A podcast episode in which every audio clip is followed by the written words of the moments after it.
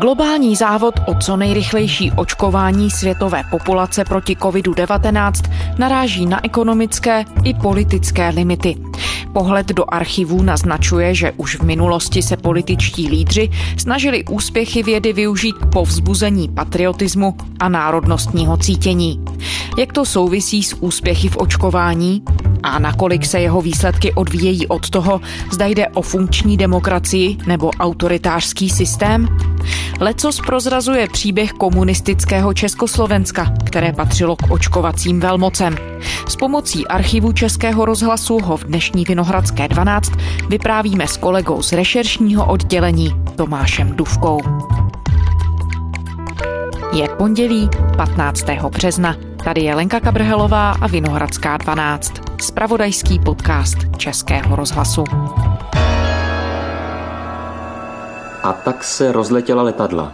Rozjeli se vlaky. Na cestu vyjeli autobusy. Celý zdravotnický systém obou států byl zmobilizován, aby se nová vakcína dostala opakovaně do úst každého dítěte. Aby už nebyly mezi námi smutné oči dětí na vozíčku. Tomáši, co to je za zvuk? To je zvuk z roku 77 k dětské obrně a opravdu, když jsem ho slyšel poprvé, tak jsem si říkal, že to je fakt pecka, že to je něco, o čem chci se dozvědět víc. Uslyšíte Sputnik, magazín vědy a techniky. Před dvěma lety kolegyně Martina Havlíčková Holá vzala tenhle klip a udělala z něj příspěvek pro sociální sítě a na těch sítích to rozjelo ohromnou diskuzi. To všechno se týkalo očkování tedy. Týkalo se to očkování proti dětské obrně, ale ten samotný pořad je z roku 77 a u příležitosti 20. letého výročí se věnuje vlastně největšímu československému úspěchu v očkování. Tenhle ten zvuk mě fascinoval a uvědomil jsem si, jak je to živé téma, protože ty reakce těch lidí byly neuvěřitelné a bylo to v době před dvěma lety, v době před covidem a v době taky před ještě tím, než nás Světová zdravotnická organizace třeba vyřadila ze zemí bez spalníček. A teď, když dnes očkování řešíme každý den, tak jsem si řekl, že bych hrozně rád se trochu víc dozvěděl o tom, co to je za zvuk, proč je takový dramatický, proč má takové dramatické předěly. Pospěš si. Víš, kolik dětí může být postiženo, když přijde nová epidemie a ty ještě nebudeš hotov. Pospěš si. My ti věříme. Musíš to dokázat. Já ti také věřím. Jsem přece matka. Chci, aby mé dítě bylo zdravé. Chceme, aby naše děti byly zdravé. Naše děti.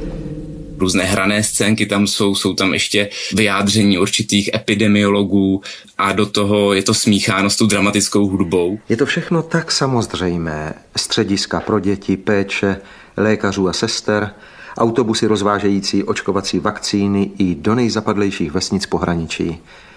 Samozřejmě je kápnutí pipetou na přidrženou lžičku, které možná znamená život pro tvé dítě. Ale pokud by této samozřejmosti nebylo, pak... Pak, pak, pak... A v podstatě se to netýká aktuální očkovací kampaně, týká se to připomínky největší očkovací akce 20 let staré. Ty si, Tomáši, tedy uplynulých několik týdnů strávil svůj de facto volný čas tím, že si se probíral archivem Českého rozhlasu na základě tohoto všeho a zkoumal si cokoliv, co se týká právě očkování. Co tě k tomu tedy vedlo? Dneska žijeme v době, která očkování řeší den co den a upínají se k tomu očkování pozornost celé společnosti. Očkování představuje na jednu stranu velkou naději a na druhou stranu i velkou hrozbu pro část společnosti. A není to poprvé v historii. A to byl ten důvod, proč mě zaujalo podívat se do našeho archivu a pro náš projekt, který v rámci našeho rešeršního archivního týmu děláme, projekt, který se jmenuje Auditorium, kdy popularizujeme archivní zvuky na sociálních sítích a na našem webu, tak jsem se rozhodl udělat takový přehled rozhlasových nahrávek k očkování podívat se, co tam vůbec za zvuky máme a dát je do nějakého historického kontextu.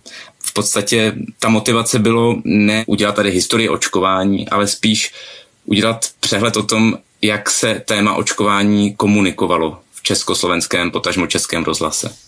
A na co jsi přišel? Je to, co jsi v archivu našel, nějak relevantní pro tu dnešní debatu o očkování? Já myslím, že ano, že ta debata se pořád točí dost okolo stejných témat. Ten hlavní spojovací článek vidím v tom tématu zdraví dětí, potažmo dnes i seniorů, zdraví nejohroženějších skupin společnosti. Tyto skupiny jsou natolik ohrožené, že existuje taková v podstatě společenská schoda na tom, že se snažíme tyto skupiny ušetřit. Na jednu stranu to přitahuje samozřejmě pozornost filantropů, odborníků, doktorů, na druhou stranu také lidí s vlivem. A velmi snadno se z toho tématu očkování, a teď nemyslím očkování, jestli ano nebo ne. Vědecky máme dokázáno, že ano.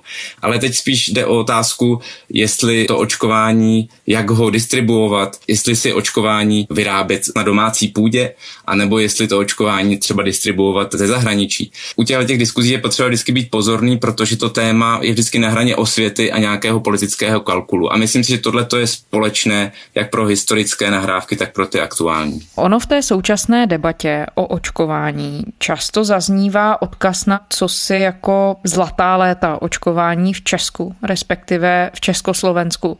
Na to poukazoval i ten klip, co jsme poslouchali na začátku. Kam až zdejší očkovací historie sahá? Ta československá očkovací historie je skutečně dlouhá a skutečně úspěšná. Když to vezmu od začátku, tak na území českých zemí se začalo očkovat v 19. století na začátku. To bylo proti pravým neštovicím. Ale očkovací agenda se dostala do středu zájmu po vzniku Československa. A tam je důležitým rokem rok 1925, kdy byl otevřen státní zdravotní ústav, a Československo skrz státní zdravotní ústav se epidemiologii začalo velmi zblízka věnovat a během první republiky dokonce vznikl i ústav sér a očkovacích látek, který ty samotné očkovací látky připravoval a zároveň je i potom distribuoval československé společnosti. A to máme zachycené i na audionahrávkách? To nemáme zachycené na audionahrávkách, ale máme je zachycené třeba v nějakých přednáškách, které máme teda v textové podobě a víme o tom, že ty pořady se vysílaly. Známe to třeba z programu rozhlasu, z týdeníku rozhlas tehdejšího, takže to víme, ale nahrávky nemáme.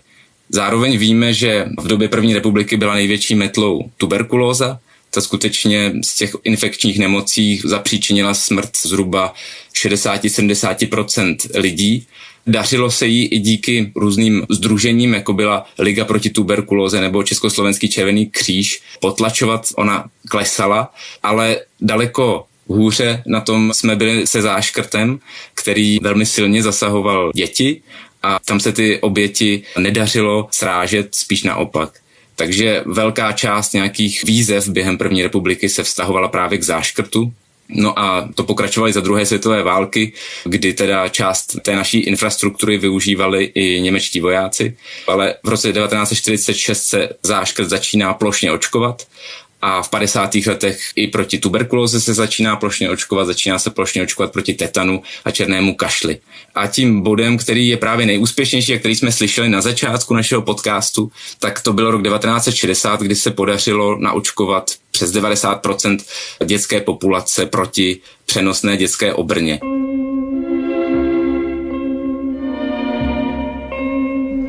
Profesor Houštěk, poslední dveře vpravo, tam před těmi kytkami.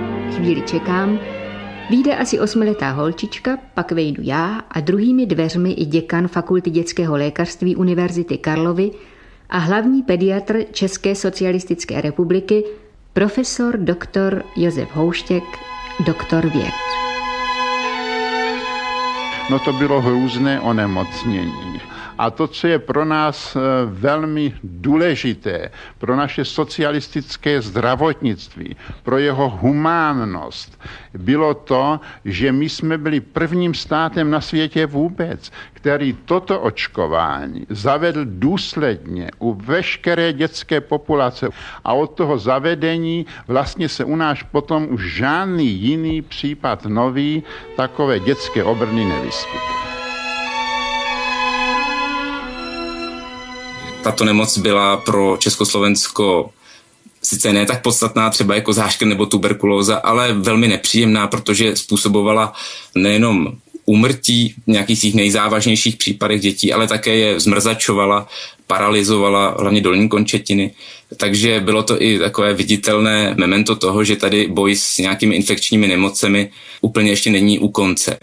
Takže se tedy skutečně podařilo dětskou obrnu na dobro vymítit? Ano, podařilo a má to i své nějaké detaily, typu, že oni tady byly dvě vakcíny, Jedna byla už v roce 57, ta se očkovala i všude jinde po světě a ta Sejbinova druhá vakcína, která už nebyla ani aplikovaná injekční stříkačkou, ale na lžičce v kostce cukru, byl dáván sirup dětem, možná si spousta lidí ještě tuhle tu očkovací látku pamatuje. Maminky, připravte si lžičky a první z vás může dovnitř. Dobrý den. Dobrý den. Jméno dítěte, prosím. Dvořáčková Alena. Rok narození. 1977. Holčička je v pořádku? Ano, sestřičko. Americké úřady měly obavy o to testování této druhé vakcíny, protože byla mírně nebezpečnější, ale v Československu toto riziko jsme podstoupili a úspěšně a proto se nám také podařilo být jako první na světě v tom, že se nám skutečně už ta dětská obrana od té doby vyhnula. Byly zde nějaké jednotky případů, ale ty vždycky byly zanesené ze zahraničí. No a co se týče potom dalšího vývoje československé epidemiologie, respektive vakcinologie, po příchodu vojsk Varšavské smlouvy se ten vývoj tak trochu zastavil, začal stagnovat. Plošné očkovací akce stále pokračovaly, zde byl pořád velmi silný tým, především virologa Dimitrie Slonima. K úspěšnému očkování nestačí dobrou očkovací látku nebo vyškolené týmy specialistů, lékařů, odborníků, ale velmi nutné je naočkovat co největší počet dětí, to znamená minimálně 96-98%, a to se v Československu daří skutečně rozumnou osvětou a skutečností, že všichni rodiče dneska u nás nám, lékařům, kteří provádíme prevenci, věří. Toto je taková nejvýraznější postava, která za těmito úspěchy stojí a podařilo se začít očkovat proti spalničkám v roce 69 a v 80. letech proti příušnicím a zarděnkám.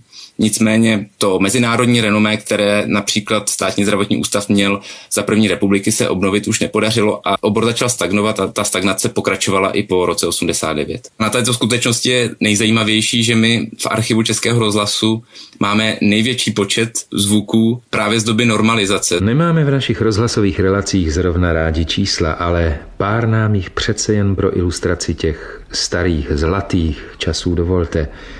Nemáme zrovna po ruce údaje nejnovější, ale v porovnání do roku 1970 pro naše účely stačí. Počet dětských oddělení v nemocnicích v roce 1937 10, v roce 1946 47 a v roce 1970 205. Z doby, kdy už ta hlavní sláva byla za námi, ale zároveň československý rozhlas více než kdy dříve se zaměřoval na ta půlkulatá nebo kulatá výročí, takže 15-20 let od začátku očkování proti dětské obrně se vytvářely pořady velmi, řekněme, oslavující očkování. Snad by stálo za to místo komentářů a výrazů obdivu, které k nám docházejí z celého světa, uvést slova jednoho z nejznámějších pediatrů, profesora Fanconiho z Curychu. Profesor Fanconi na Mezinárodním sympóziu v roce 1962 v Praze řekl zpravodaji listu Unita toto. Nejsem komunista, musím však říci, že Sověti a Čechoslováci podali skutečně přesvědčivý důkaz o schopnosti svého zdravotnického systému. A ten záměr nebyl ale pouze osvěta, ale také samozřejmě poukázat na to, že jsme úspěšní v socialistickém zdravotnictví a že naše spolupráce se Sovětským svazem se zde potvrzuje jako velmi úspěšná. No ty očkovací akce se označovaly za velký úspěch. Dá se to všechno přičíst na vrub režimní propagandě, která asi lidem ani na výběr nedávala, jestli se mohou nebo nemohou očkovat? Nebo tady byly i jiné faktory? Tak podle mého názoru ta propaganda vliv na vnímání očkování mít jistě musela. A vidíme to i v dnešní době, když nějaký autoritativnější stát má v zemi zavedenou cenzuru a nějakým způsobem ovlivňuje své obyvatelstvo, tak většinou ta země skutečně potom v očkování je i třeba úspěšnější. Ale žádná data z té doby socialismu, kterým toto tvrzení bych mohl podepřít, tak ty nemáme. Nicméně pro komunistický režim bylo zdravotnictví naprostou prioritou a i v těch třeba 50. letech takový komunistický ideál byl statný, manuálně pracující dělník. Tenhle ten obraz úplně nesouzněl se zmrzačenými lidmi, na tož dětmi. Naše spolužačka se jmenovala Zdenka.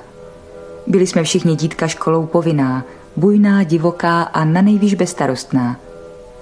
A pak jednou přinesli kamarádky zprávu, že Zdenka nepřijde do školy, že stůně, že má horečky. To bylo všechno. Neviděli jsme ji mnoho měsíců. Až jednou ji vezla její maminka na procházku. Na vozíčku. Nezapomněla jsem dodnes na její oči, které se tenkrát kolem sebe dívaly. Nemoc dostala pro nás konkrétní podobu. A to byl také důvod, proč třeba ta očkovací akce proti dětské obrně byla tak podporovaná státem. Je ale jisté, že propaganda nepředstavovala rozhodně jen jeden z faktorů. Potom nesmíme zapomenout, že v době socialismu měla ještě většina populace přímou a dost často nepříjemnou zkušenost s nemocemi, proti kterým se očkovalo. V dnešním pořadu Představte se sám bude hovořit doktor Václav Lekeš starší, emeritní obvodní lékař v Rožďalovicích. Jmenovitě si pamatuju na tu nejstrašlivější epidemii, která přišla. Bylo to ve vesnici Pojedy. Tam začala dětská obrna. A tam byla postižena takřka celá vesnice tou epidemií. A tato zkušenost se z dnešní společností přirozeně vytratila a paradoxně dneska v době koronavirové krize se můžeme ptát, jestli se právě ta důvěra k očkování nevrátí právě proto, že tu zkušenost s takhle závažnou nemocí opět nabereme. A nakonec je asi taky dobré upozornit na to, že existují studie, které ukazují na to, že čím je společnost ekonomicky rozvinutější, bohatší, tak tím je také vůči očkování skeptičtější. Takže i v tomhle smyslu můžeme přemýšlet o tom, jak za socialismu jsme se stavili k očkování a jak se k němu stavíme dnes. Když ještě uděláme takové historické okénko, tak je zřetelně vidět, že na západě ty antivakcinační hnutí vznikají už se začátkem těch plošných očkování, tedy po druhé světové válce v druhé polovině 20. století. Když to u nás je to věc nejméně 20 posledních let. Nicméně to je právě důkaz toho, že ta debata o očkování se u nás vede strašně krátce, nebo nějaká volnější debata o očkování. A zatímco dneska v té východní Evropě sice máme pořád výraznou převahu pro očkovanosti populace, tak ten trend klesá. Zatímco na západě tam je ten trend opačný. Tam je pro očkováno méně lidí, ale důvěra roste. Na tu proměnu v názorech lidí a na efektivitu očkovacích kampaní se dá nahlížet asi z více stran. Jeden ten pohled, který se teď objevuje, a ty si na něj narazil, zmiňoval ho třeba i kancléř prezidenta Vratislav Minář v minulém týdnu, to je argument, který zaznívá nejen v souvislosti s očkováním, nutno dodat. Obecně se objevuje i v souvislosti s tažením proti pandemii covidu. A to, že je výhoda autoritářských režimů, třeba Číny, oproti demokratickým společnostem. Když budeme vycházet z tohoto argumentu, dá se nějak říct, že úspěšné očkovací kampani v uvozovkách škodí ta otevřená demokratická společnost? Nebo že se očkovacím kampaním v otevřených demokratických společnostech daří hůř? Ano, ten trend je zřejmý, ale zároveň bych takto vyhraněně tu odpověď nestavil. Je sice pravda, že v současné demokratické společnosti lidé mohou vyjadřovat svůj názor k očkování a mohou vyjadřovat i nepodložené názory k očkování, takže je daleko těžší přesvědčit všechny občany o prospěšnosti vakcinace ale nedá se zase z toho úplně vyvozovat, že autoritářské režimy v tomhle ohledu nabízí nějakou přijatelnější variantu očkovací strategie. Pane kancléři, já mířím eh, třeba například k výrokům prezidenta Zemana, kdy eh, v naší partii označil odmítače očkování a řekl, že jsou lehce dementní. Eh, je toto chytré? Jsou tyto výroky chytré od prezidenta republiky? Víte, já si myslím, že za těch eh, několik desítek let, co jsme po revoluci, tak si trošku to demokracii zaměňujeme s tím, že si můžeme všechno dovolit. A použil bych tady příměr, že v některých věcech příliš demokracie škodí. Když to vezmeme po pořádku, tak už nedávno jste měli ve Vinohradské 12 vedoucí katedry marketingové komunikace a PR na Fakultě sociálních věd Univerzity Karlovy Denisu Hejlovou. A ta říkala zajímavou věc. V jádru antivakcinačního hnutí nestojí lidé, kteří by třeba se vymezovali vůči politice před rokem 89. Tato starší generace už skutečně proti očkování většinou nemá nějaké závažnější výhrady. To jádro je především u mladší generace a není to jenom u nás, je to i třeba v Izraeli nebo jinde. Tím důvodem je to, že je to vliv především algoritmů sociálních sítí, ale také nějaké přispění zemí, jako je Rusko, které na toto téma rozjíždí další ze svých hybridních informačních válek proti západu. Za současnými antivakcinačními hoaxy tedy stojí zájmy mocností, které nejsou demokratické, takže nelze úplně tvrdit, že když bychom tady měli autokratičtější režim, že to pojetí bude k očkování bezvýhradně lepší. No a tomu bych ještě možná oskázal na novináře a odborníka na sociální média Petra Pomeranceva, který nazývá tu dnešní strategii v porovnání se strategií před rokem 89 jako cenzuru přehlušováním. To znamená, že před rokem 89 byla cenzura taková, že se zakázalo o nějakých nepřijatelných názorech mluvit. Dnes se respektují nebo tolerují, řekněme, ale zároveň se přehlušují nějakými fake news nebo nějakými nepodloženými informacemi, které zahlcují veřejný prostor. Lidé dnes mají těch informací přebytek a zároveň u nich vzrůstá tím pádem nejistota, protože nevědí, kterým z těch nabízených názorů mohou věřit a kterým nikoli. No a na lidi působí tedy negativně jak přemíra informací, tak jejich nedostatek. Takže když se vrátím k tomu období socialismu zase, tak na jednu stranu jsme zde měli spoustu úspěchů v otázce pro očkovanosti společnosti, ale na druhou stranu zde potom máme určité třeba epidemie v roce 79, epidemie hepatitidy B v severních Čechách. O ní se absolutně v médiích nemluvilo. A stejně tak například, a to je problém taky epidemiologický, to byl problém nehody v jaderné elektrárně Černobyl v roce 86. Některé agentury na západě rozšířily zvěsti o tom, že při havárii zahynuli tisíce lidí. Ve skutečnosti zahynuli dva lidé a hospitalizováno bylo celkem 197 lidí, z nichž 49 opustilo nemocnici po vyšetření. Práce závodů, kolchozů, sovchozů i institucí pokračují normálně. To byl taky velký problém pro zdraví československých obyvatel, o kterém se Češi a Slováci dozvěděli až o pár dnů později. Jedním z úhlů skrze který se často na ty dnešní události díváme je solidarita v rámci společnosti. Očkování je vnímáno jako solidární krok, jednak tedy se svým vlastním okolím, ale například s těmi, kteří jsou nemocní, nemohou sami být očkovaní a musí se spoléhat na tu imunitu celého toho celku.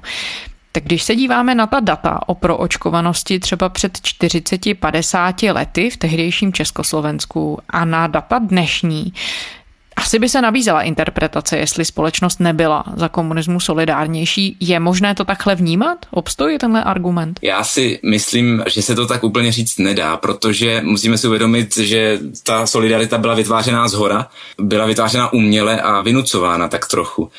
A vynucená solidarita potom spolu nese také tu reakci, která přijde když potom už to vynucení pomine. Je to teda jenom jeden z bodů a jedno z vysvětlení, proč se to v 90. letech například ta morálka rozvolnila vzhledem k proočkovanosti společnosti, ale epidemiologie v 90.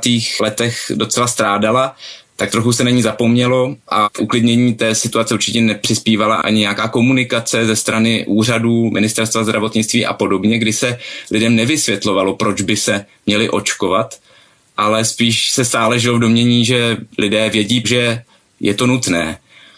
Nicméně lidé se časem samozřejmě začali ptát a s přibývajícími nepravdivými informacemi o očkování se postupně ta společnost začala těch očkování obávat, nebo aspoň její část. Trvalo to v podstatě docela dlouho, než si i ta nová politická garnitura uvědomila, že je třeba věci očkování lidem začít vysvětlovat a ne mlčet a nařizovat.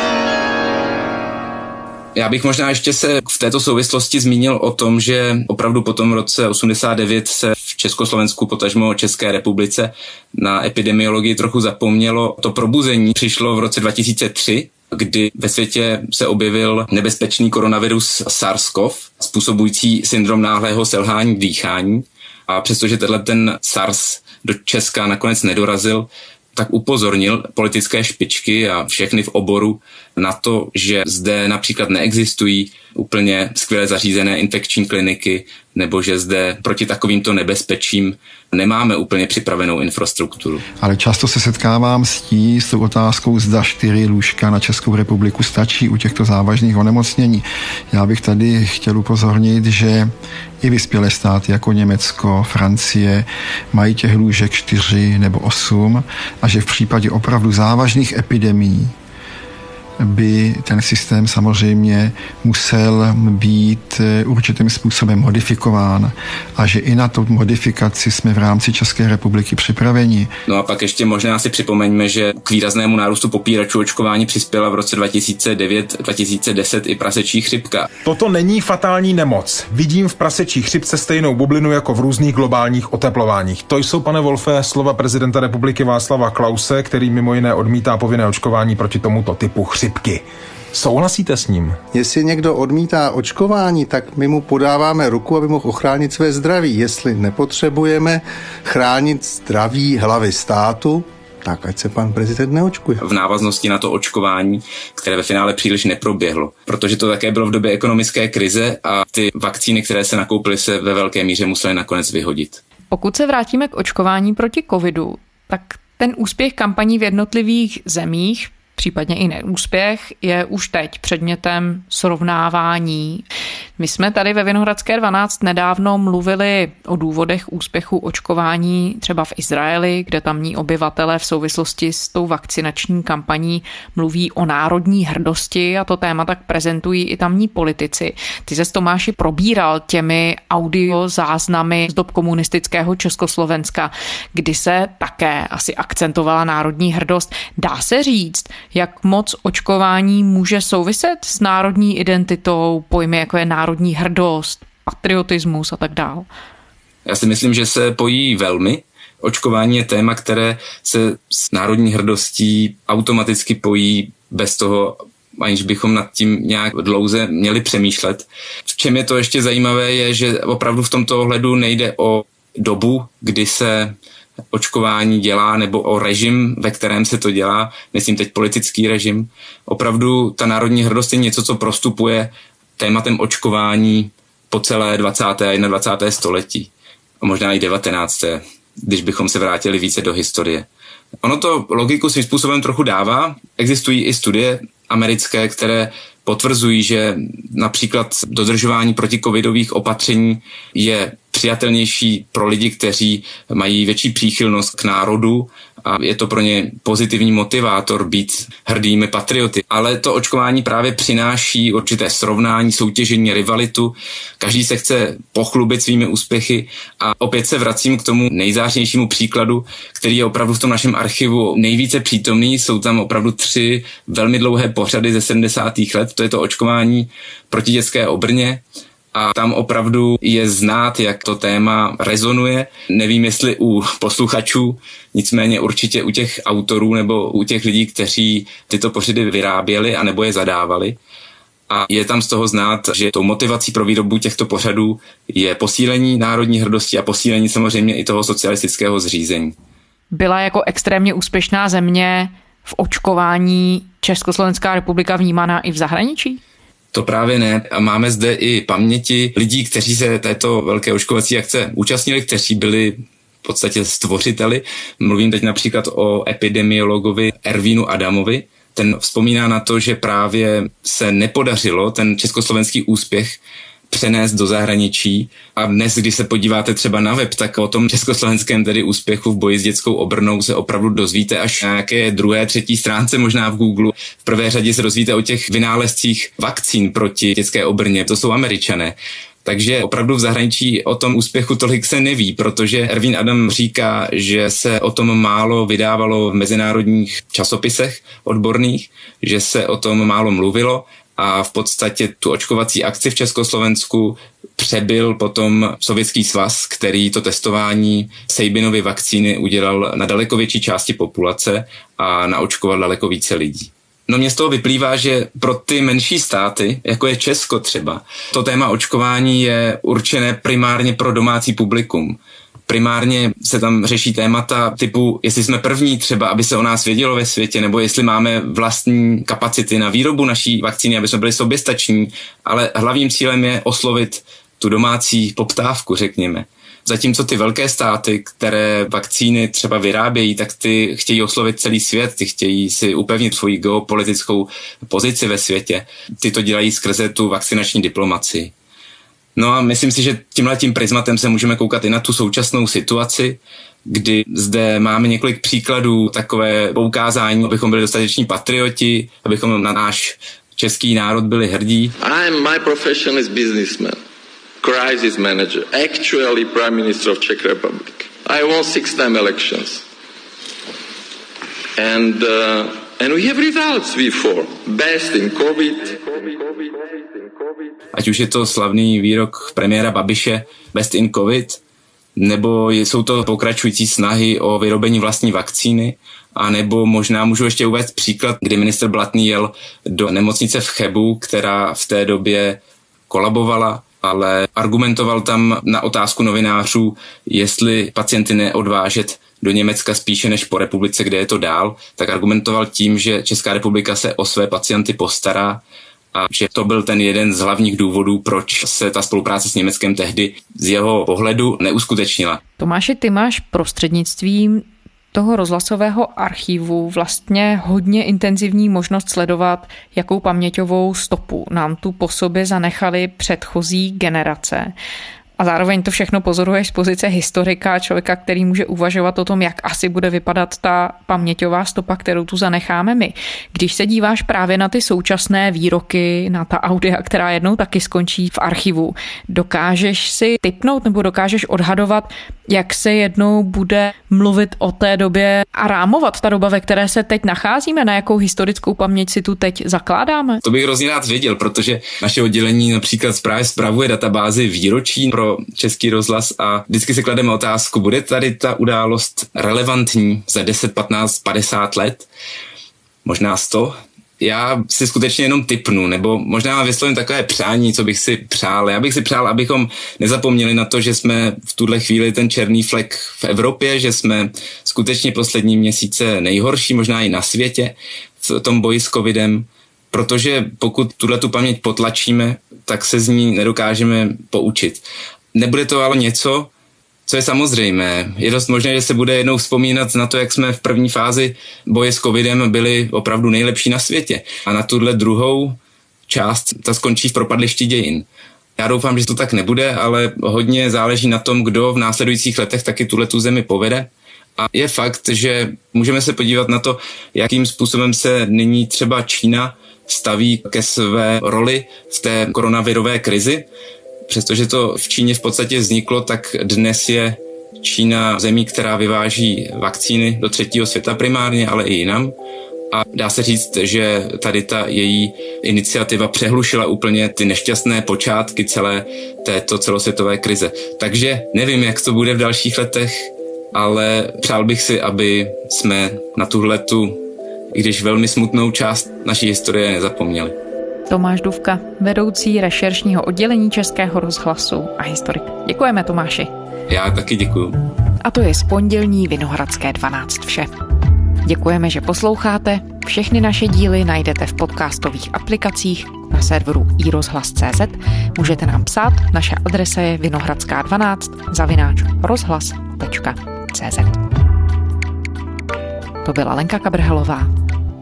Těším se zítra.